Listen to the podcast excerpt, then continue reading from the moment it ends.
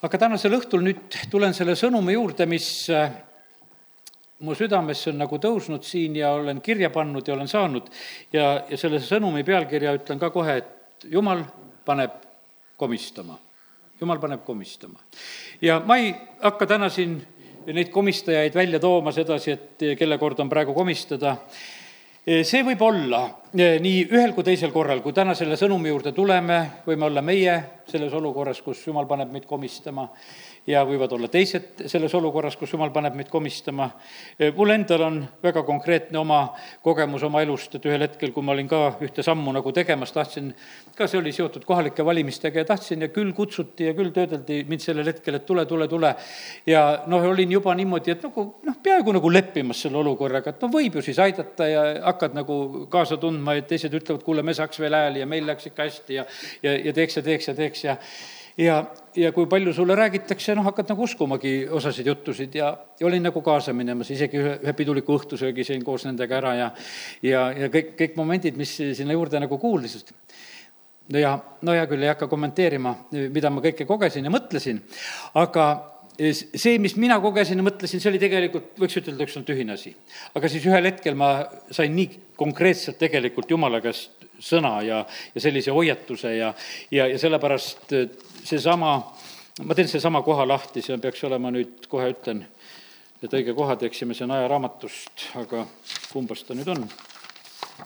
ja see oli nii konkreetne hoiatus mulle, see on teise ajaraamatu kakskümmend viis kaheksa, jah, teise ajaraamatu kakskümmend viis kaheksa, kus on selline sõna, mis tuleb kuningas Amasjale, sest kui sa nõnda tugevdatult sõtta lähed, paneb Jumal sind komistama vaenlase ees jumalal on ju võimus aidata või panna komistama. no me kunagi palju ei mõtle selle peale, et et jumal tahaks meid komistama panna, sest me kogu aeg, et jumal aita, jumal aita. tead, noh, see on ju noh, põhiline meie palve on see, et jumal aita.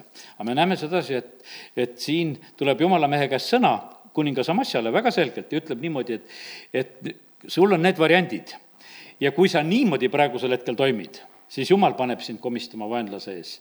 sest jumalal on mõlemad asjad võimalikud. on võimalik sind aidata, aga on ka võimalik sind komistama panna ja kui mina olin siis nagu selle sõna väga selgelt ka enda jaoks saanud, et ja mõtlesin, et jumal, mina küll käpuli käia ei taha. ja veel eriti siis, kui sina jala taha paned, et siis on täiesti kindel see, et siis, siis mingit pääsu sellest asjast ei ole, siis oled käpuli kui käpuli. ja läksin ja tunnistasin kõigile nendele asjaosalistele, võiks ütelda, kelle kaudu see eh, kutsumine põhiliselt just käis, ütlesin, et selline lugu, et eh, olin peaaegu tulemas, aga olen saanud nii selge hoiatuse Jumala käest, et kui ma tulen, siis see on mulle selliseks komistuseks, aga vaata, käpuli ma käia ei taha ja ma sellepärast lihtsalt selle selguse järgi, mis ma olen Jumala käest saanud, lihtsalt tulen ja ütlen teile ära ja, ja tegin selle asja just selliselt. ja sellepärast kiitus Jumalale, et, et kui me saame Jumala käest neid hoiatusi ja, ja neid juhtimisi, siis see tegelikult on meile nii suureks õnnistuseks. aga ma vaatan, mis järjekorras oleks õigem ja ma, ma teen nii, et ma loen nagu seda sõnumit, mis ma siin panin esmaspäeva, esmaspäeval olen siin kirja pannud issand ees olles, mõtlesin tänuga siin pühapäeva peale, mis pühapäeval oli, tunnen rõõmu, ütlen seda, tunnen rõõmu sellest, et, et kui näen koguduse liikmete, juba igavikus olevate koguduse liikmete lapsi ja lapselapsi ja, ja lapselapselapsi ja, ja kes tulevad kogudusse ja kes tulevad sellise rõõmuga, sellepärast et need, kes siin pühapäeval rõõmu väljendasid, et sinna pühapäevakooltundi läksid, need olid nagu sellest reast. Ja, ja sellepärast, aga ma lausa küsisin esmaspäeval, jumal, mis see on, et milles on see asi? ja, ja tegelikult jumal ütles väga selgelt, et, et see on palvete taevast avav vägi vaata, vana-vanaema palvetas ja lapselapse lapsed eh, tulevad rõõmuga Jumala kotta ja sellepärast, et nende jaoks on see kuidagi nagu avatud ja lahti. ja meile vahest on niisugune tunne, noh, et, et mis, mis see siis ei ole, kallid meie palved ja ohvrid lähevad Jumala ette. ma mäletan seda, et kui ma siia karjaseks tulin, siis seesama inimene tuleb ükskord, ütleb koguduse aastapäev, kuule, mina maksan koguduse selle armastussööma ja laua, võtab oma rahakoti välja ja sellepärast su palved ja su ohvrid tõusevad Jumala ette. ja sellepärast ma mõtlen, et kas ta oskas seda mõelda, et aastakümneid hiljem tema lapsed kilkavad siin paigas, et, et meie läheme pühapäevakooli tundi. see oli lihtsalt armastus sellel hetkel ja kindlasti ei olnud see talle ei teab mis lihtne, sest tegelikult suure pea pere ema viis last ja, ja siis ütelda, et kuule, et mina maksan äh, aastapäeva lauda teile kinni. aga see oli vaata see, mis on jumal südamesse pannud, aga mis toob vilja. ja sellepärast ma küsisin, jumal, mis on mitte midagi muud. kui see on lihtsalt, et palved on olnud ja need avavad taevad. ja sellepärast julgustan täna ka, et palvetame nii, kuidas oskame ja ohverdame nii, kuidas oskame, elame nii hästi, kui oskame ja usaldame tegelikult Jumalat, et Jumal tegelikult neid asju teeb meie laste ja lastelaste juures, et me järeltulev sugu ei läheks mitte kaduma, vaid et nad jõuaksid Jumala riiki. see oli üks asi, mida esmaspäeva hommikul lihtsalt eh, tänades sain aga siis küsisin ka seda, et aga et on ka neid äh, inimesi, kellede lapsed ei äh, tule alati ja kellede kõik, ütleme, kõik ootused ei täitu ja ei ole alati võib-olla niisuguseid rõõmsaid kogemusi ütelda, et kuule, et kõik on niimoodi hästi ja, ja üldse niimoodi, et vahest lapsed surevad ja, ja igasugu momente, mida, mis juhtub tegelikult jumala rahva hulgas samamoodi ja, ja, ja sain ka sellele äh, vastust. juuda suguharu koha pealt. kust suguharust Jeesus? juuda suguharust aga me teame sedasi, et kuidas juuda need seal pojad ei kõlvanud mõlemad pojad ei kõlvanud, jumal laseb surra, laseb ühel surra, laseb teisel surra ja ütleb, et tead, nad mulle ei meeldi ja sellepärast nad peavad surema. ja lihtsalt surevad ära. me teame sedasi, et kuidas seal juudar siis oma, võiks ütelda, oma miniaga sünnib, sünnib laps ja, ja see saab Jeesuse sugupuusse ja ütleme, see lugu läheb sedasi edasi. aga need pojad ei olnud jumalale meelepärast ja need pidid lihtsalt surema, sest nad jumalale ei meeldinud. ja sellepärast, kallid, see on niimoodi, et vaata, jumal teab nagu kõike. mul on ka meeles üks nagu selline lugu, noh, ütleme, et eh, kuidas ühe lapse pärast väga palvetati, et ta terveks saaks ja ta sai terveks ja hiljem sai tast väga kole kurjategija tegelikult, usklikust perest pärit laps. ja noh, ütleme, et, et ja ta oli suremas ja toodi ellu tagasi ja sellepärast, kallid, ma olen vahest ikka küsinud, et me palume tervise pärast, aga milleks seda tervist? Me palume te-, paljusid asju, aga milleks? mis on see eesmärk, sest me vahest nagu inimestena ei, ei taipa ega ei tea, sellepärast et need valud, mis tulid vanematel siis üle elada pärast seda, kui nad nägid, mis nende perekonnas sündima hakkas, oli hullem kui see valu, mis oli siis, kui laps oli haige ja, ja oli, ja oli suremas. ja, ja sellepärast, kallid, meie jumal on targem ja, ja on suurem. ja sellepärast on ta niimoodi, et ta sealt juuda suguharust lõikab lihtsalt ära, ütleb, et ei, vaata, see liin ei lähe absoluutselt edasi, ma ei luba sellel sündida ja olla. ja, ja sellepärast on nii, et, et jumal eh, on kõiketeadja, elu ja surm ja tervis ja, ja kõik need asjad on tema käes. ja, ja see, mida meie praegu siin elame, mis on meile nii kohutavalt tähtis, see, me elame seda ajutist elu nagu igavest elu ju. meil on niisugune tunne, et see on see kõikse tähtsam asi, kui me selle suudaks ära elada ja paluda ja, ja kõik õnnistused endale, et kõik näeksid, et me oleme õnnistatud ja kohale kaubelda ja siis nagu särada siin selles maailmas. tead, ei, see ei ole see eesmärk tegelikult, jumal ütleb, et see on, see on ainult esimene etapp Apostel Paulus ütleb selle kohta, et see on ainult eh, üks silmapilk igavikuga võrreldes. ja me oleme muretsemas selle ühe, ühe silmapilgu pärast, mis ka plõksti käib korraks, et eh, kuidas meil sellega läks. jumal on huvitatud sellest, et et milline valik, milline tulemus tuleb sellest silmapilgust. ja, ja sellepärast on niivõrd tähtis see, et me mõistaksime seda vastutust, mis on tegelikult meil siin elus olles ja, ja sellepärast usaldame oma elu Jumala kätte. Teile on väga tähtis, kuidas teie silmapilk möödub. tegelikult määrab selle silmapilgu kasutamine teie igavikku see elu, mis on teie käes, on väga määrava tähtsusega. hoian teid huku, hoian teid hukutavate eh, nende võimaluste eest. Eh, nagu kord ütlesin sulle, et kui sa teed selle sammu, nüüd juba rääkisin seda näidet, eks, panen sind komistama ja issand on kiitus Jumalale mind korduvalt ja korduvalt hoidnud komistamast. olen hoidnud sind eh, nendest valedest sammudest ja kohtadest, kuhu ei peaks minema. ja, ja ta on teinud oma osa nagu, kuidas mind peatada nendel teedel ja, ja sellepärast, kallid, see peatamine valel teel ja nende ohtude ees, mis on, on tegelikult väga hea, kui issand äh, ei lase meil kaugemale äh, eksitusse minna. Äh, aga siin on nüüd üks meie moment, aga kas me tahame kuulata või ei taha kuulata? siis ma mõtlen, jumal, et, et kas ainult mulle tuleb vahest hoiatusi? ja ta ütleb ei, tuleb teistele ka, aga paljud ei kuula lihtsalt, lihtsalt ei kuula. ma olen hoiatanud ka teisi ja, aga nad lihtsalt ei kuula. ja issand ütleb mulle veel sedasi, et ärge õigustage ennast, et, et vahest selle salmiga, et kui vaata, et õige kukub seitse korda, iga kord ta tõuseb üles, eks. et see ei ole nagu selle koha pealt, et kui mina panen komistama, siis seda salmi ärge endale peale lugege, see ei aita sellisel puhul. sest kui mina panen komistama, siis ma panen komistama. siis sa ära räägi sellest, kui ise komistad ja, ja on igasugu olukordasid, millesse satud, jah, siis see kehtib küll. aga selle kukkumise ja minu poolt komistamise panemise vahel eh, on väga suur erinevus, need on kaks eri asja ja meie ise, kui kukume, on mitmesuguseid põhjuseid võib-olla ja see on üks asi. aga seal, kus mina panen komistama, eh, seal on pöördumatu protsess. Eh, see oli nagu Iisraeli riigi näiteks kaheks jagunemine kui Iisraeli riik peale Saalomoni peab kaheks jagunema, sest jumal on oma otsustusel langetanud, et Saalomoni poja päevil sünnib see, kus Iisrael peab pooleks minema. no kuidas täna küsime, mis on hea, ühtsus või eraldumine? No vot, meil tekib selline küsimus, et ma usun sedasi, et me ütleme, et ühtsus on alati hea. noh, armastus on hea, ühtsus on hea, kõik, kõik, kõik on head asjad, mis me teame. aga me näeme sedasi, et jumal vahepeal teeb teisi asju.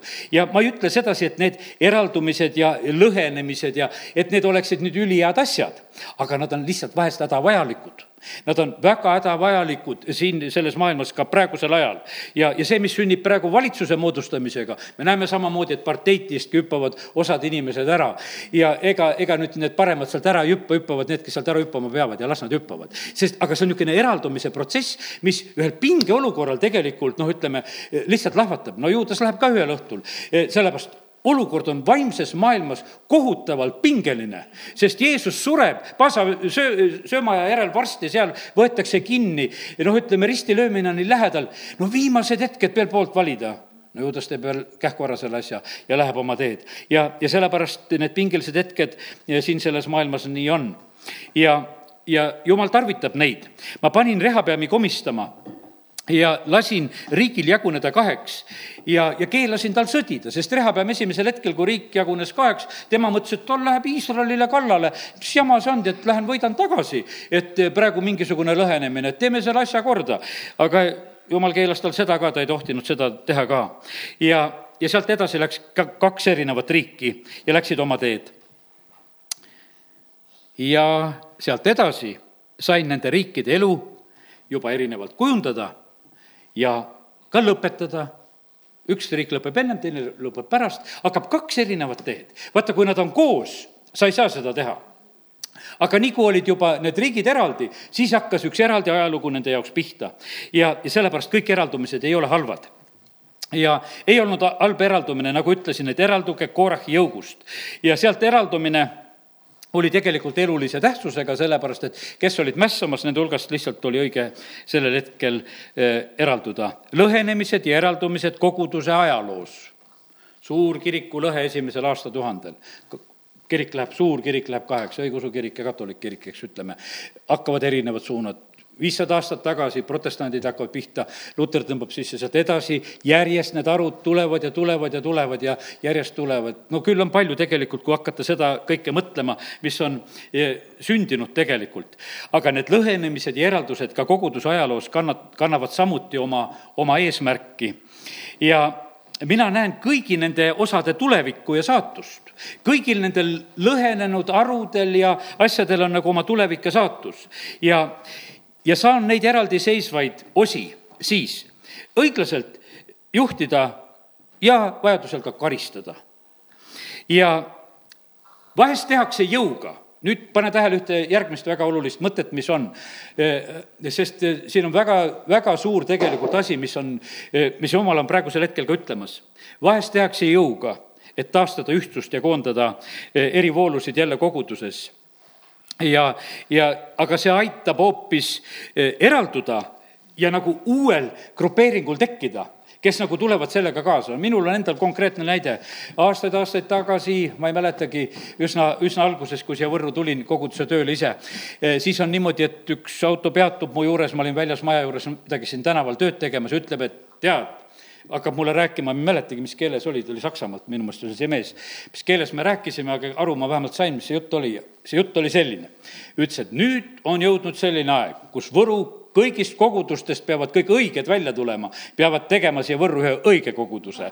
et noh, et kõik, kõikidest kogudusest õigeid on vaja, et, et teha üks uus õige kogudus. no muidugi kuulasin niisugust juttu ja lasin sellel mehel oma teed minna, sest et noh, mis see on, noh, see ongi tegelikult noh, oleks saanud küll neid jutumärkides õigeid, võiks ütelda, kes tahavad väga õigeid olla. ja oleks jumalal jälle üks jälle kimbukene koos olnud, et, et siin on meil need kõige õigemad kogunenud, et ühte tuppa kõik läksid. ja, ja sellepärast on see nii, et, et need asjad, mida niimoodi vahest inimliku jõuga tehakse, need isegi kannavad vahest üsna kasulikku nagu eesmärki. ja nüüd järgmine mõte, mis jumal nagu andis, ongi see, et et vaata, neid selliseid sarnaseid seotakse kokku ja, ja koondatakse ja eraldatakse. aga nüüd pidage meeles ühte asja. kui inglid tulevad ja kui lõikus algab, siis kõigepealt seotakse luste kimpu. ja luste seotakse kimpu ärapõletamiseks. aga teate, see on nii lõikuse tunne, sest nisu seotakse ka ju kimpu. see on täpselt samasugune tunne, halleluuja, lõikus on alanud ja seotakse kimpu ja paljud lähevad nendesse kimpudesse. paljud lähevad sellesse esimesse voolu, võiks ütelda nagu selles mõttes kaasa, et kuule, siin on sündimas midagi niisugust ühtsust. kuule, meil on juba küljed nii koos, meil on nii hea olla. aga need seotakse kimpu selleks, et nad ära põletada. ja pärast tuleb lõikus issandalt uus käsk, et nüüd kogute nisu aita minu taevastesse aitadesse. ja sellepärast, kallid, kas ei ole võimas ja tugev sõna selle koha pealt? ära jookse igasuguse ühtsuse järgi, käi issanda järgi. sellepärast, et see, see vahest on see niisugune ühtsusesse tirimine, ma olen seda kogenud, no küll tirivad ja tirivad, et no miks sa ei tule meiega ühtsusesse. ma ütlesin, ma ei saa, jumal ei luba. nii paljudesse kohtadesse, kus ta ei luba, ütles, et ei lähe sinna ja ei lähe sinna, küsid issanda käest. ei, ei, sa ei lähe sinna nendesse paikadesse ja kohtadesse. ja sellepärast, kallid oleme issandale kuulekad. ja sellepärast, et kõigepealt, kas see luste või raiein, eh, siis kogutakse kokku ja see on põletamiseks. see tundub nii ilus, nii lõikuse moodi olukord, aga selles etapis koondan ma hävitamiseks, et hiljem saaks nisu koguda ja sellepärast olen sind, näed, paljudest eh, koondamistest eemal hoidnud ja ära neid leina. Eh, sa ei ole millestki heast ilma jäänud. olen püüdnud sind hoida õigel teel, neid märguandeid olen ka teistele andnud, aga kes kuulab rohkem inimeste, noh, jutumärkides ka siis ja sulgudes siin ka vaenlaste plaane, eh, rohkem kui minu omi, siis eh, need satuvad eksiteele.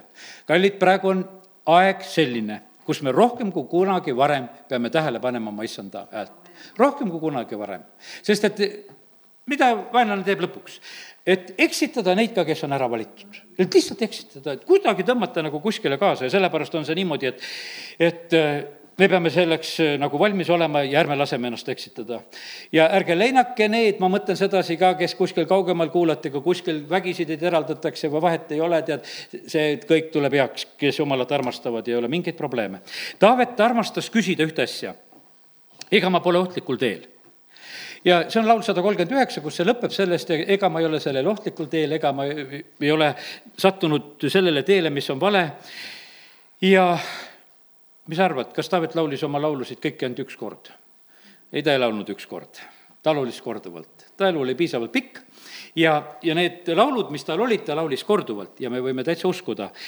ja et see ka laul, kus ta küsis jälle seda, ta ei laulnud seda laulu mitte üks kord, vaid korduvalt. ja, ja sellepärast issand ütleski mulle, kui selle sõna olin saanud järgmiseks, et õpeta sellel teemal, et jumal paneb komistama ja sellepärast tänane selline pealkiri ka siit tuli. ja jumal on tõesti andnud ka neid näiteid ja kirjakohti, mille juurde me nüüd ka siin veel tuleme. Ja sellepärast, et mehe meelest on mõnigi tee õige, aga lõppeks on see surmatee, nagu õpetuse sõnades on öeldud. ja, ja sellepärast on issand kutsunud meid, et me teda järgiksime ja meie ei pea ringi vaatama. me ei pea vaatama ringi ei teiste koguduste peale, me ei pea ammugi vaatama selle maailma peale. sellepärast, et vaata, need inimesed, kes elavad ilma eesmärgita siin selles maailmas, no mis mõte on meil neid järgida, kellel eesmärki ei ole? me noh, aga no tundub, Malachi raamat ju lõpeb sellega, nad elavad, nad õitsevad, nendel läheb hästi, me siin palvetame, nendel hoopis läheb kuidagi nagu hästi. aga, aga nende hästi ongi ainult siin aga meil on igavesti hästi ja sellepärast meil ei ole mõtet nagu, nagu noh, kadestada neid, kelle te tee mitte kuskile ei vii. no kas sa kadestad, et sa Titanicu peal ei olnud?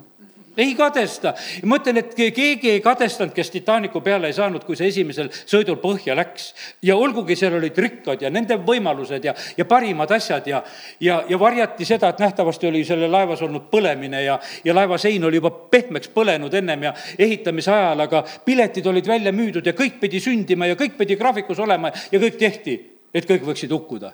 ja noh, ütleme pisut ju sealt pääses, eks. ja, ja sellepärast, kallid, täna, täna on nii, et kuuleme issanda häält ja ei lähe Titanicu peale. kuuleme issanda häält ja ei lähe nende lennukite peale, mis alla kukuvad.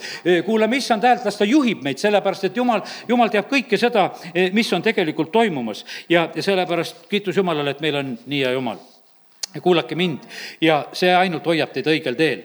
ja sest praegu on see eksitamise periood ja, aga te ei pea kartma, kui teie kuulate mind. ja kallid, ütlen sedasi, see jutt ei ole mitte sugugi hirmutuseks, see jutt on juhatuseks. selle, sellepärast see vahest meile tundub sedasi, et, et noh, jälle nagu mingisugused hoiatused, hirmutused, aga kiitus Jumalale, et, et need hoiatused tulevad meile Jumala käest. ja, ja ta hoiab meid tegelikult nende, nende asjade kaudu. nii et eraldumine eh, ei ole alati mitte halb asi ja sellepärast, aga tuleb jälgida, et, et kus pundis sa siis tegelikult oled. ja sellepärast kiitus Jumalale. ja, ja ma mõtlen nii, et ja Jumalal on, kui ühe mõtte nagu laseme siit nüüd edasi, kas või Jeesuse koha pealt no Jeesusega on ka üks tohutu eraldumine toimub kohe seal, kui ta läheb Natsareti sünagoogi, peab seal ühe väikese sõnumi ära, loeb ühe kirja kohe Jesaja raamatust ja, mõned kommentaarid sinna peale saab ütelda ja visatakse välja ja tahad või ei taha, tegelikult eraldatakse lihtsalt teda ära. ja, ja praegusel ajal juhtub ka niimoodi, et ega, ega need, kes, kes jumala sõna räägivad, neid, neid eraldatakse väga kergesti, lükatakse lihtsalt välja. lükatakse välja nagu Jeesust, lükatakse pauguga välja, ei taha kuulda, ei taha näha. ja, ja sellepärast nii, nii see on, me näeme seda, et see korduvalt ja korduvalt siin selles maailmas. ja, ja see võib tunduda selline noh, ütleme ebameeldiv ja halb, aga ei ole sellest tegelikult mitte midagi. Jeesus läheb seda eh, eraldumise teed kuni lõpuni. no lõpuks on ta üksi, sest et ta on ju üksi seal risti peal. Sest et noh, jüngrid ka jätavad. no see eraldumine läheb nii, see läheb nii, sellepärast ma täna sulle räägin sedasi, et ära karda, ära karda üksinda olla, et parem on, kui vähem segajaid on. sellepärast, et nii palju on tegelikult segajaid hääli vahest meie ümber siin selles maailmas. ja sellepärast, kallid, me ei saa jumalat kuulata, ütlen sedasi, kui sa oled ka abielus, sa pead võtma üksi aja, et kui sa lähed issand ette, et ei saa seda kahekesi teha. see on üksi asi, sest et sa mine üksi issand ette ja kuula. ühispalved on omal kohal, kus palvetate koos. see on pidulik osa ja ilus ja tere, aga, aga see päris rääkimine toimub tavaliselt alati siis, kui sa oled üksi issanda ees. ja, ja sellepärast e, Jeesus läks ka seda e, üksi teed. aga selles mõttes on nii, et me näeme seda, et, et kogu aeg ta läheb jälgides seda, mida isa on rääkimas, isa, sinu tahe sündigu ja nii ta läheb seda eh, teed edasi. ilmutuse raamat eh, lõpeb ju sellega, et, eh, et püha läheb pühamaks ja, ja rõve, ja rõve läheb rüvedamaks. ilmutuse kakskümmend kaks, üksteist. kes teeb ülekohut, tehku veel, kuulate, ja tehke, sest et sõna ütleb sedasi, kes teeb ülekohut, tee veel. sest et eraldumine peab suuremalt välja tulema. see on issanda sõna see ei ole naljasõna, mis te naerate, sest et see on ülekohtustele, las teevad veel. Nad mõtlevad veel kavalamaid asju välja, nad mõtlevad täna ka Eestimaal kindlasti kavalamaid asju välja. kui see praegusel hetkel ei aidanud veel teist tallata, siis ma mõtlen veel välja midagi, millega tallata no ehtne näide, kuidas Trumpi valitsemise vastu hakati tallama. no õudne tallamine hakkas lahti ja, ja see, ja sellepärast, ja siin selles maailmas on ja, ja niimoodi ja teistmoodi ja kuidas aga püütakse üksteist tallata ja teha. ja sellepärast, kes teeb ülekohut, sõna ütlebki sedasi, et nendel ei jäägi midagi muud üle, nad peavad oma töös ustavad olema ja nad peavad seda veel enam tegema. kes teeb ülekohut, tehku veel enam ülekohut, kes on rüve, saagu veel rüvedamaks, veel jõledamaks nad muutuvad, ei nad ilusamaks ei muutu. ja sellepärast me vahest nagu mõtleme sedasi, et, et miks see maailm on selline, aga issanda sõna läheb täide. E, vaata, need rüvedad tulevad nii välja, et ainult vaata korraks vilksti peale, et, et asi on selge. et, et noh, et, et saad aru sedasi, et kellega on tegu. E, mäletan aastaid tagasi, kui siin Ring FM-is veel käisin, siis oli niimoodi, et üks mees, kellega koos olin seal kahekesi seal, mina tegin oma vaimuliku saateosa, tema pani muusikat ja muidu seal saadet aastaid tegi. ta ütles, näed, mul on ka võimed. lõi oma kellarihmad, et metallist kellarihma, lõi otsa ette, see seisis seal see kinni seal ütlesin, jah, mul on ka võimed, seisis seal oma kellarihmaga, mina ei tea, kuidas, aga noh, tõesti olidki võimed siis ütles, et aga ma ise sealsamas juures ütleb, ma lasen siin nii rõvedat muusikat, mille plaate ma isegi koju ei vii, aga siin lasen. et ma koju neid endale ei vii, aga siin rahvale külvan. ja, ja no ütleme, et elu on selline. ja, ja mina sealsamas oli see õhtuvalgus, korraks võtsime piibli lahti, kümme minutit panime selle, kõige selle keskele, no lihtsalt ühe jumalasõna hetke ka. ja, ja kiitus Jumalale, ka see töötas ja see mõjus. oli tagasisidet, kus inimesed ütlesid vahest ja tulid ja rääkisid, et kuule, me kuulasime seda, et üht, ühtäkki loeti jumala sõna ja öeldi mingisugune hoopis teised mõtted. üks valguse kiir kuskilt teisest paigast üldse tuli. ja, ja nii, nii me oleme siin. nii et rüvedad teevad rüvedust, aga mis on öeldud õigele, õige tehku veel enam õigust ja püha pühitsegu veel enam ennast ja sellepärast meile on ka midagi öeldud ja sellepärast nii ongi, et meie ei pea millegi muuga tegelema, pühitseme, säilitame oma õigust ja puhtust, oleme issanda ees, parandame meelt, teeme asju, mis on vaja aga mis sellega sünnib? Sellega sünnib eraldumine ega, ega need kaks poolt ju kokku ei sobi, mitte kuidagi ei sobi kokku. ja sellepärast ongi see niimoodi, et, et aga jumal teeb seda, sest et milles on küsimus? ühel hetkel on ju üldse paremale ja vasakule käele. ühele ja teisele poole eraldumine lihtsalt eraldatakse, aga see hakkab juba vaikselt pihta siin. et osad juba hoiavad ühele poole, osad hoiavad teisele poole. osad on juba vasakul käel, osal on juba paremal käel. ja, ja sellepärast nii ta on, et, et äh, vaikselt-vaikselt see asi on sündimas ja, ja sellepärast ära võta mingisuguse katastroofina äh, seda eraldumise protsessi, mis siin toimub, sest et inimestel on äh, vaba valik, nagu juhtimusi sinul ka. ja, ja sellepärast meil kõigil on see vaba valik, me võime seda teha, võime rüveda tee peal olla ja võime õiguse tee peal olla. nii et issanda sõna väga selgelt eh, räägib seda asja. ja, ja need eraldamised ja asjad, mis vahest nagu to-, toimuvad nagu, kuidas ütelda, eh, noh, niimoodi, et natukese nagu kuidagi vägisi, noh, nagu, nagu võtame Vana-testamendi Joosep. no vennad müüvad maha. ja noh, selline paha eraldumine, valed ja, ja, ja tegelikult on viha ja, ja ei saada omavahel läbi ja noh, ütleme selline raske olukord, eks aga lõppkokkuvõttes me näeme sedasi, et, et jumala plaan on nii pikk, ta ütleb, et Joosep ju lõpuks ise ütleb sedasi, et jumal saatis mind siia ette.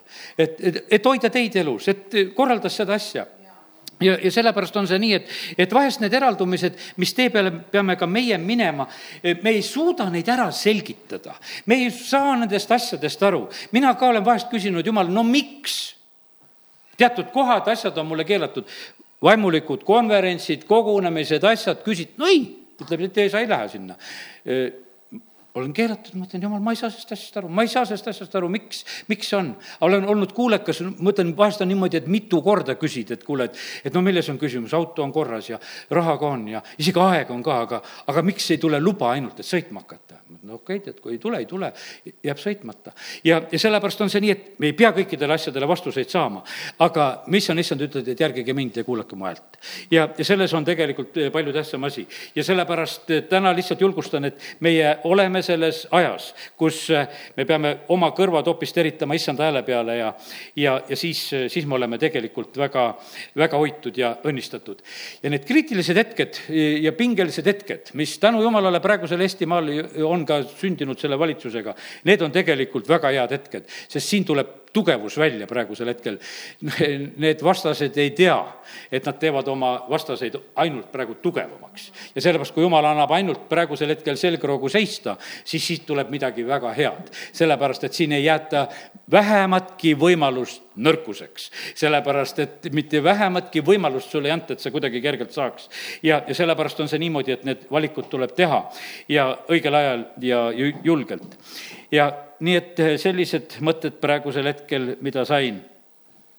Eh, nagu, aga nüüd eh, piibli näited. ja tulen selle teise ajaraamatu kahekümne viienda peatüki juurde tagasi ja, ja vaatame seda kuningas Amasja lugu. ja sest, et kui me natukese rohkem seda vaatame, ma usun, et me mõistame, eh, kuidas asjad nagu tegelikult nagu toimivad ja käivad. ta on selline kahekümne viie aastane mees, kui ta saab eh, kuningaks, valitseb kakskümmend üheksa aastat, eh, ta on isa, temal on siis Joas, see on see kuningas, kes sai seitsmeaastaselt kuningaks ja, ja, ja niikaua, kui üks vana preester seal veel elas, siis nii kaua see Joas oskas elada nagu õiget elu, see Amasja isa, aga pärast Joojada surma, see on kakskümmend neli peatükk seitseteist räägib sellest, tulid juuda vürstid ja kummardasid kuningat ja kuningas kuulas neid ja nad jätsid issanda maha ja ja hakkasid viljakustulpi ja jumala kujusid teenima ja asi läks täitsa tegelikult käest ära. ja, ja noh, ütleme, et, et ja siis tuli, siis tuli tegelikult üks hoiataja, hoiatus Jumala poolt, selle tegelikult nad tapsid, selle hoiataja, nad ei võtnud seda vastu, kuid siis, kui see sureb, kakskümmend kaks salm, kuningas Joas ei mõelnud armastusele, mida Sakarja isa Joojade temale oli osutanud, vaid tappis tema poja. see oli nüüd selle Joojada poja tappis ära, kes oli teda noh, kasvatanud ja tohutult aidanud alguses. ta tapib, tapab selle poja ära, aga too poeg ütleb, et ütleb talle surres, et issand näeb ja tasub.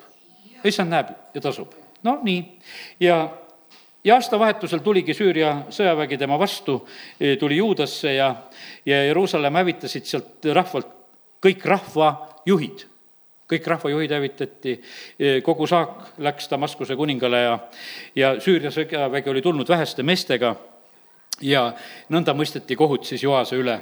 nii et ütleme, et see oli selline noh, selline pärand, kust noh, ütleme, siis see Amasja kasvas ja tuli sellise, sellisest perekonnast. ja kakskümmend viis peatükk, me tuleme Amasja juurde, teine salm ütleb sedasi, et tema tegi, mis oli õige. aga ta ei teinud seda südamest ta ei teinud seda südamest, ta ei teinud seda siirast südamest. kui tal oli kuningriik kindlalt käes, siis ta tappis ära oma sulased, kes olid maha löönud tema isa noh, ütleme, ja ta ütles, et lapsi ei puutu, aga sellepärast, et tema isa siiski oli ka tapetud ja noh, ütleme, et sellepärast ta tasus seal seda kätte. ja, ja siis on niimoodi, et ja siis tal tuleb pähe soov, et tahaks sõdima minna ja, ja siis ta loeb oma e, juuda sõjaväe e, kokku, saab kolmsada tuhat meest, kes on valmis sõdima. siis ta mõtleb, et, et ma palkan Iisraelist juurde sada tuhat meest ja maksab seal sada talenti hõbedat ja ja siis ta kauplebki endale abi Iisraelist, Iisraeli eh, omad tulidki talle appi. ja siis, kui tal on nüüd see nelisada tuhat meest on koos, siis tulebki jumala mehe sõna. kui sa niimoodi lähed sõtta, eh, siis eh, ma panen sind komistama. ja milles oli küsimus? nüüd olid kaks riiki. Juudaga oli jumal ja väga selgelt sellel perioodil jumal ütles, et aga ma Efraimiga ei ole, Iisraeliga ma ei ole. nagu ma rääkisin, et eraldumine oli toimunud ühega oli jumal ja teisega juba ei olnud. ja ära nüüd mõtleks edasi, et alati on see nii. seal, kui pärast räägime, siis see käis, see käis ühte ja teise äärde, vahepeal oli jumal väga hästi ka Iisraeliga ja oli neid ka aitamas. aga sellel hetkel, vaata, tuleb küsida seda hetkeasja, et mis praegusel hetkel on. Ja ta saab sõna, ütleb, et nii, kui sa niimoodi lähed, eh, panen komistama, ta ütleb, aga ma olen raha alla pannud, et see sada talenti hõbedat, mis sellega saab, jumal ütleb, et kuule, ma võin sulle rohkemgi anda, et ära seda leina. ja teate, mis ta siis teeb? ta saadab selle Iisraeli väe minema, ta saadab sada tuhat meest minema, ütleb, et minge ära aga teate, mis juhtus, eh, keda oli kutsutud ja ära saadetud? Nad said nii vihaseks, nad lähevad tulist viha täis minema. Nad lähevad tulise vihaga minema. lõpuks nad teevad mida? Nad tegelikult röövivad ise juuda linnasid veel ja, ja tapavad seal kolm tuhat inimest ja, ja sünnib selline asi. no kui issanda käest käid sõna ja kui sa kellelegi midagi keelama pead see mõjubki täpselt nii. täpselt nii see mõjubki, nii nagu selles loos. ma olen ka pidanud tegema. vahest võtad kõik jõu kokku, aga ütlen ja teen. ütlen, et ei ole midagi, ma olen issanda käest saanud ja teen need asjad ära. täpselt, reageeringuid saad, nii kuidas on, aga neid asju tuleb teha. peab olema tugevust nendes asjades, peab olema tugevust, olgu sul tugevust oma peres, olgu sul tugevust ühiskonnas, olgu sul tugevust igal pool, kui sa oled issanda käest saanud, siis on tegelikult väga vaja tugevust, et seda teha. ja kiitus Jumalale, et Amasja üldse sellise asjaga hakkama sai. ja ta teeb selle ära ja, ja siis on nii, et, et noh, nad lähevad ära ja noh, ütleme, omad kahjud, mida ta siis korraldab veel seal, see Iisrael siis juudale ja need asjad nagu sünnivad väga seda. ja nüüd on nii, et, et mis seal edasi nagu juhtub, seal juhtub veel üks selline lugu, et, mm, et Amasja hakkab tegema ühte väga eh, halba asja, ta hakkab kummardama tegelikult eh, Eedomi ebajumalaid. Ühtäkki ta teeb sellise sammu, et ta hakkab neid kummardama. üks selline, eh, kui sa tahad, et jumal sind komistama paneb, siis on ebajumal see on üks no nii selge asi, et üks kiirem tee komistamisele on ebajumalad kiirem tee komistamisel on ebajumalad. ja, ja sellepärast on nii, et äh, issanda viha süttib ka väga Amasja vastu just sellepärast, et ta, ta hakkas ebajumalaid äh, kummard-, kummardama ja, ja tegema ja, ja sellepärast ütleme, et nii palju on nagu näha, kuidas need asjad käivad. ma täna nüüd räägin siia vahele veel ka. meil on kolm riiki praegu, Eesti, Läti, Leedu. meil on eraldi riigid kuidas jumal suhtub ühte, teise, kolmandasse? no me ei tea. noh, ütleme aastaid tagasi oli siin, et vaimulik hinnang, et, et Läti on kõige ees, Leedu on selle järel, Eesti on kõige tagamaas. noh, vaimulikus, noh, niisuguses arengus ja mõttes. see ei ole kindlasti täiesti ühesugune, see ei ole ühesugune meil on miskipärast, nüüd pühapäeval rääkisin, et, et sidemed Lätiga ja me siin midagi, et jumalal on vaja ja me ehitame ja teeme, et midagi, midagi toimub nagu sellel suunal. aga ma täna räägin sedasi, et vaata, me oleme niimoodi, jumala suhtumised on täiesti erinevad, eh, kõik need asjad, eh, mis on meie kõikide iseseisvuspäevade kuupäevad on ju erinevad. meil ei ole üks kuupäev, et kõik said iseseisvaks ja ei ole ka taasiseseisvumise väljakuulutamised kõikidel, igaüks pidi võtma oma Ülemnõukogus julguse kätte, et nüüd kuulutame välja, et nüüd oleme vabad. me oleme erinevad riigid, jumal erinevalt hindab meid. Ja, ja sellepärast on see nii, et, et äh, me peame tõesti jumala käest küsima paljusid asju, sest et meil on niimoodi, et me vahest võtame nii lihtloomulikult, et noh, igal juhul meie kolme vahel peab olema liit no me võtame lihtsalt sedasi, et no me oleme kõrvuti, me oleme naabrid ja, ja meil on nagu väga palju ühist ja sellepärast olema. ei, ma ütleksin täna selle koha pealt sedasi, alati tuleb küsida. no kas Iisraeli ja juuda siis ei võiks olla alati liit, kui oli see kaks riiki tekkinud? vennad ju ühe isa lapsed, kõik Jakobi pojad, kõik Jakobi pojad. no mis siis, et nüüd on kaks riiki tehtud? no normaalne, läheme sõtta, lähme koos. jumal ütleb, et ei lähe. aga vot neid Eframi omasid ma praegusel hetkel ei taha absoluutselt näha, ma ei taha neid aidata. ja, ja sellepärast on see nii, et, et selliselt eh, täna lihtsalt räägin seda mõtet, et, et meil on väga tähtis panna tähele eh, seda jumala häält, kuidas asjad nagu toimivad eh, ühe või teise jaoks antud hetkel, need võivad kogu aeg nagu muutuses ka olla. ja nüüd asja, Amasja siis see eksimine oli see, kus ta ebajumalatega tegeleb, kuusteist salm räägib sellest ja, ja sealt edasi hakkab see lugu ja, ja see põhjustas tegelikult väga suure jumala viha tegelikult tema suunal. ja, ja siis üheksateist ja kakskümmend salm loeme ka, sa mõtled, vaata, sa oled eedomlased maha löönud ja seepärast ajab su süda sind püüdma au. aga nüüd jää nüüd koju, mispärast sa tikud õnnetusse, kus sa langed ise ja koos sinuga juuda. aga Amasja ei võtnud kuulda, sest see tuli Jumalalt et neid anda Joase kätte, seepärast et nad olid otsinud Eedomi jumalaid. asi jõudis vahepeal edasi, nüüd oli niimoodi, sada tuhat saatis minema. Ja nüüd on niimoodi, et ta vahepeal lööb siiski eedomlasi, võtab jumalat, kummardab neid. Ja siis ta ütleb sedasi, ütleme, kuningate raamatus räägitakse lühemalt sellest loost, siis tahtis minna kaklema üldse Iisraeliga sest et nüüd oli, tal oli see soov, et ma olen ühtedele juba andnud ja nüüd ütles, et nüüd ma tahan minna eh, Iisraeli vastu sõtta. aga Iisraeli kuningas ütleb talle sedasi, et miks sa tikud õnnetusse, miks sa tikud surma ja tegelikult Joas surebki. aga ta, aga paned tähele, mis siin oli öeldud? Amasja ei võtnud kuulda, sest see tuli Jumalalt. see tuli Jumalalt. me vahest räägime, no ei võeta kuulda, ei võeta kuulda äkki tuleb jumalalt, kui kuulda ei võeta sest et juba on, asi on läinud nagu nendest piiridest üle, oled nii palju neid ebajumalaid asju kummardanud, jumal ütleb kõik, et ma praegusel hetkel lõpetangi nende Eedomi jumalate pärast, mis on. ja Iisraeli kuningas siis võttis selle, Joas võtab kinni Amasja, kakskümmend kolm salm ja, ja ütleme, selline äh, röövimine toimub, kõik eh, varandused, asjad, müüri kistakse maha seal nelisada küünart ja, ja pantvange viidi ja nad pidid küll need tagasi andma, seal ei tohtinud nagu minna nendega ja ütleme, et asjad nagu sünnivad. ja, ja sellepärast, kallid, lihtsalt see tänane nagu see sõnum on, et, et asjad käivad ja jumal on kogu aeg nagu jälgimas, eh, kuidas need lood siis ka arenevad ja lähevad.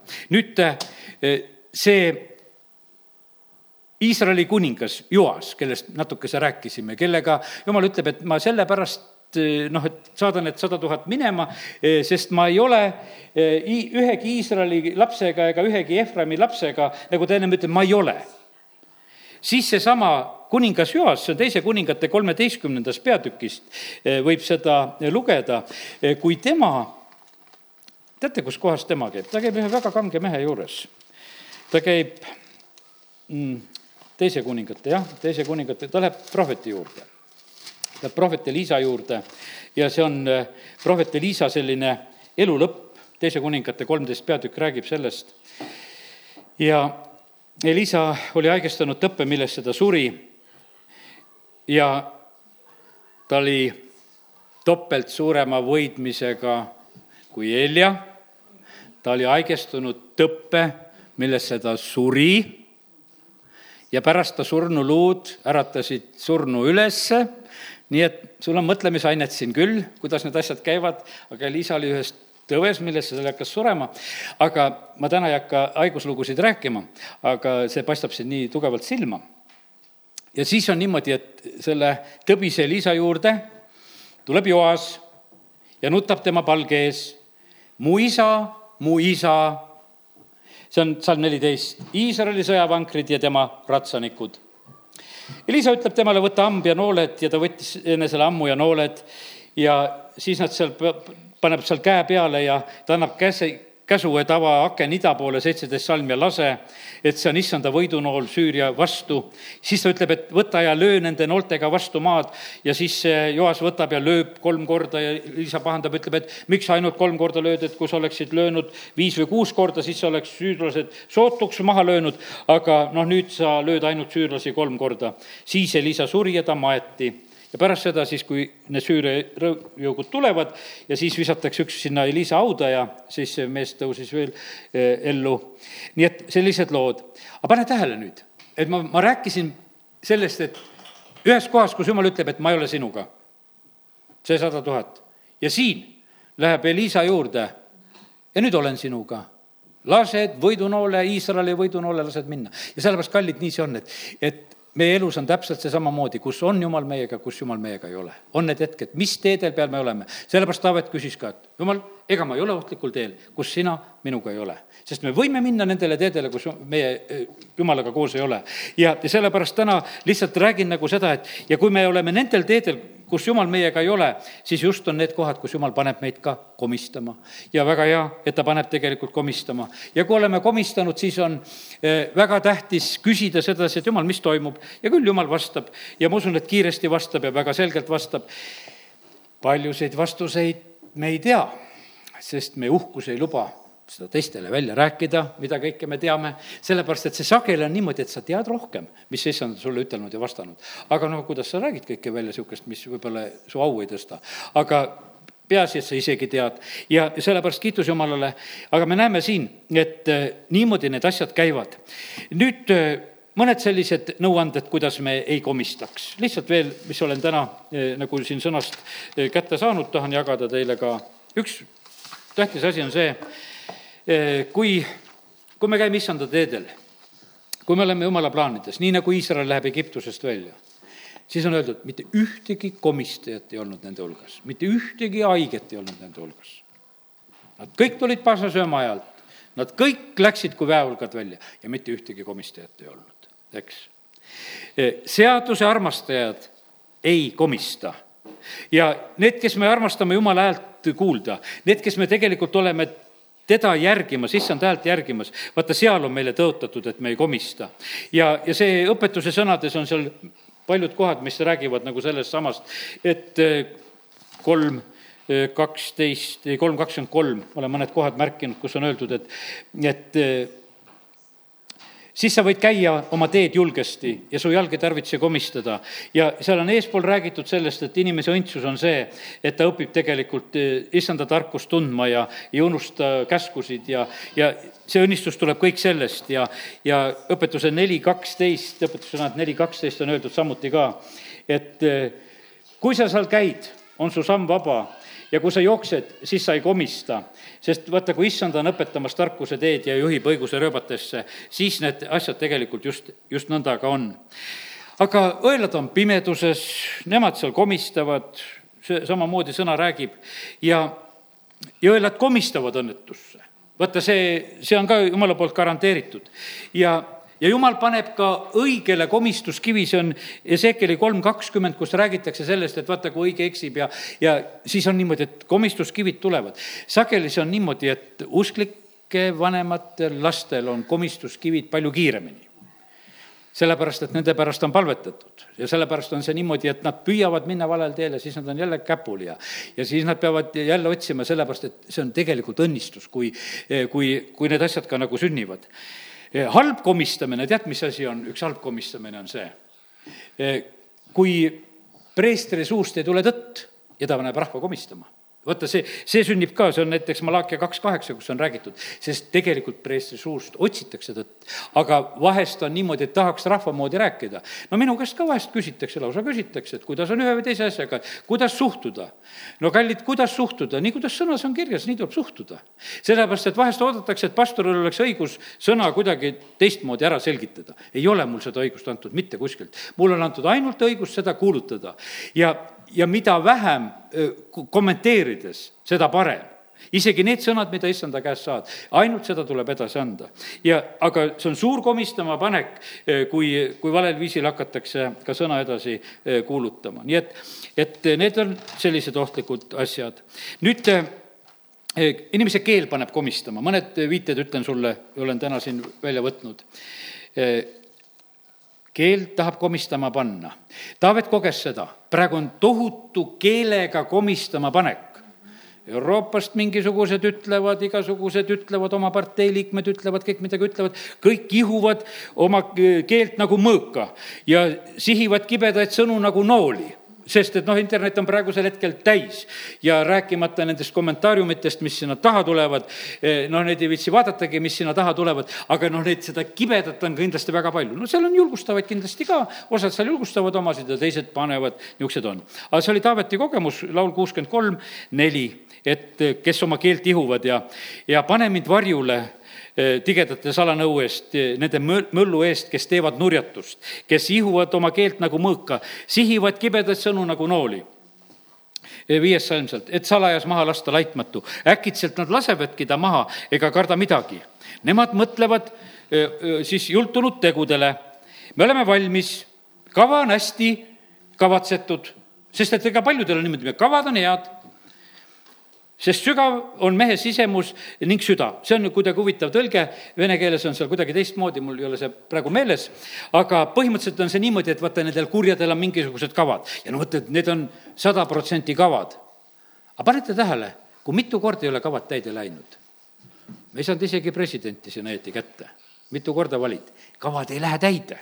no justkui kõik oleks kindla peale hülgad Euroopa Parlamendid ja värgid ja mõtted ja igasugu sammusid tehakse, et, et nüüd me teeme selle, me teeme ühe kindla kava. aga ei tehta seda kindlat kava. ja, ja sellepärast on see niimoodi, et nad mõtlevad, et me saame asjadega hakkama. kaheksas salm ütleb, kuid jumal laseb nad maha. Neid haavatakse äkilise noolega. ta paneb nad komistama nende keele pärast. kõik, kes neid näevad, vangutavad pead Taavet oli kuningas. ta teadis, kuidas riigis asjad käivad. ta teadis, kuidas vahepeal hakatakse seda keelt ihuma ja kuidas need nooled hakkavad lendama ja kõik.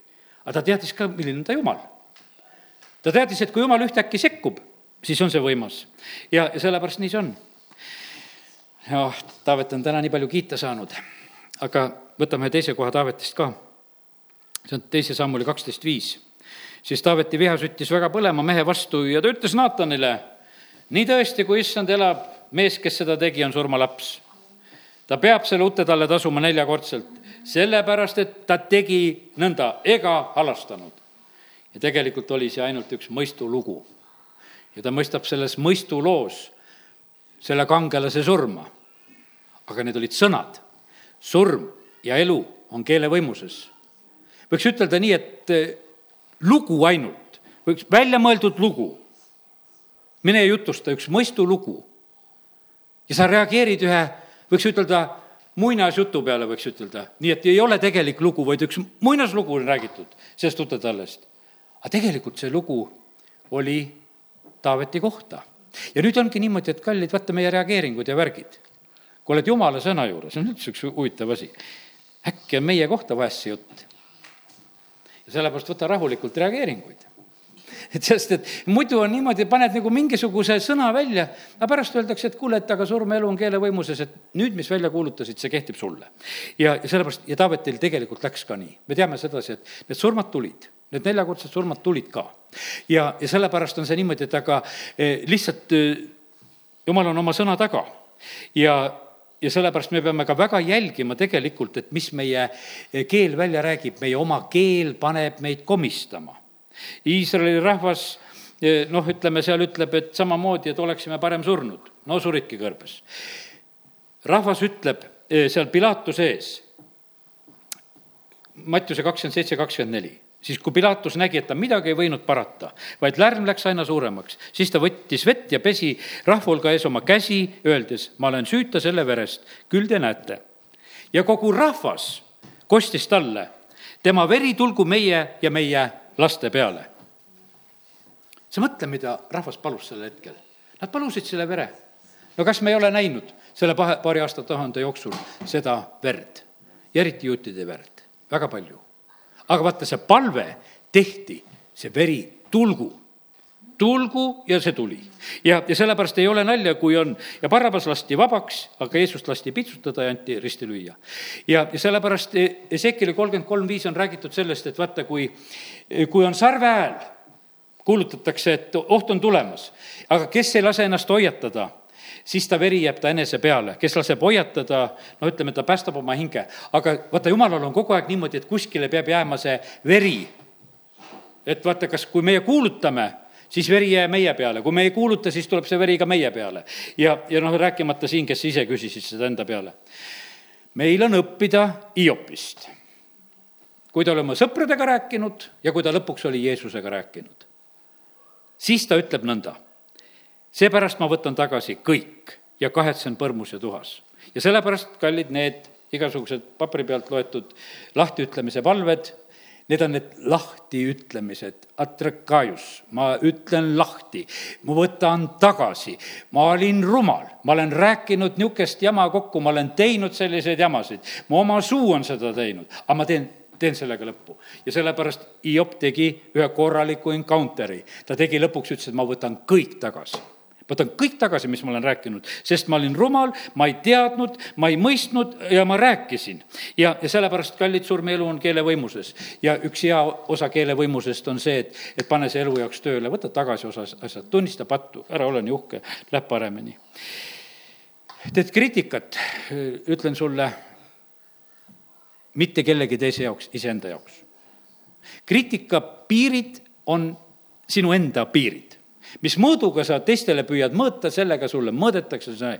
kui sa kritiseerid kedagi, et keegi hilineb, siis tähendab, sina pead olema alati õigel ajal kohal, sest sa võtad omal võimaluse hilinemiseks ära parem ära tee, jäta kõik võimalused, jäta hilinemiseks ja ennem jõudmiseks ja pärast jõudmiseks ja, ja olemiseks, tule kohale, ütle halleluuja, kõik on korras.